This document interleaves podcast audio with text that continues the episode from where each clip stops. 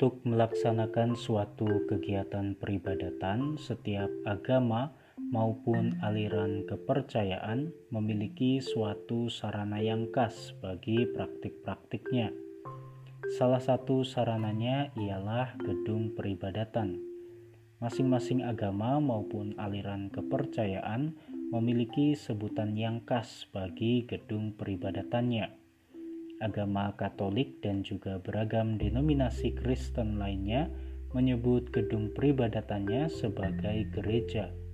Sebenarnya, gereja tak melulu diartikan sebatas sebuah gedung. Agama Katolik mengartikan gereja juga sebagai kumpulan pribadi-pribadi umat beriman. Namun, hal yang menarik mengenai gereja dalam agama Katolik ialah adanya penyebutan yang berbeda-beda terhadap jenis-jenis bangunan gereja yang dibuat. Misalnya, ada gereja basilika, gereja katedral, gereja kapel, dan seterusnya. Yang mau saya bahas kali ini adalah soal gereja katedral. Satu pertanyaan yang cukup menggelitik saya ialah apakah gereja katedral harus megah? Barangkali orang yang bertanya seperti itu adalah mereka yang baru saja berjalan-jalan ke luar negeri, ke Eropa misalnya, atau juga mereka yang melihat arsitektur bangunan dari Gereja Katedral Jakarta. Pertanyaan itu tidak salah karena memang kebanyakan gereja katedral dibangun begitu megah. Tetapi apakah harus megah? Maka hal yang perlu diketahui terlebih dahulu adalah apa makna dari gereja katedral.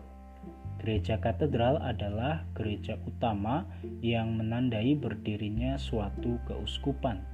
Gereja katedral tidak selalu merupakan gereja Katolik pertama yang berada di suatu keuskupan, karena biasanya keuskupan terbentuk setelah melalui beberapa tahapan perkembangan untuk pendirian suatu hierarki gereja Katolik di suatu wilayah tertentu. Sebagai contoh misalnya, gereja kelahiran Santa Perawan Maria adalah gereja Katolik pertama di kota Surabaya. Tetapi gereja yang akrab disebut gereja Kelsapa ini bukan katedral Surabaya, karena gereja katedral Surabaya sendiri terletak di gereja Hati Kudus Yesus. Nah, kata katedral berasal dari bahasa Latin yaitu katedra yang berarti tahta. Katedra melambangkan kedudukan dan otoritas uskup.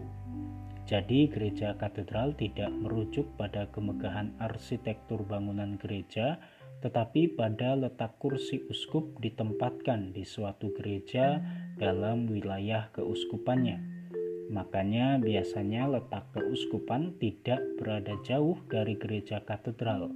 Misalnya seperti di gereja katedral Santa Perawan Maria dari Gunung Karmel yang berdekatan dengan kantor keuskupan Malang atau gereja katedral Hati Kudus Yesus yang menjadi satu kompleks dengan keuskupan Surabaya. Memang di keuskupan-keuskupan tertentu ada gereja katedral yang berada jauh dengan lokasi keuskupannya, misalnya seperti di Keuskupan Palangkaraya yang berjarak sekitar 5 atau 6 km dari gereja katedralnya.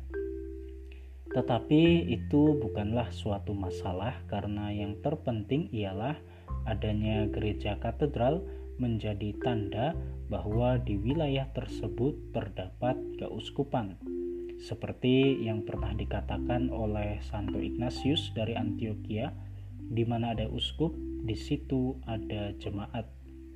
Oh ya, di Vatikan ada satu gereja yang sangat terkenal namanya Basilika Santo Petrus. Nah, gereja ini bukanlah gereja katedral dari seorang paus sebagai uskup Roma. Gereja katedral uskup Roma adalah Basilika Santo Yohanes Lateran yang ada di bagian lain kota Roma. Gereja ini bisa dibilang sebagai induk dari semua gereja karena gereja ini dihadiahkan oleh Kaisar Konstantinus pada tahun 324 Masehi sebagai tanda kemerdekaan umat Kristiani dari penganiayaan kekaisaran Romawi dan dalam penanggalan liturgi tanggal 9 November dirayakan sebagai pesta pemberkatan gereja Basilika Lateran. Kemudian mengenai jumlah gereja katedral sendiri biasanya hanya satu untuk menandakan adanya satu keuskupan. Bisa jadi karena jumlahnya yang terbatas ini, makanya gereja katedral biasanya dibangun cukup megah.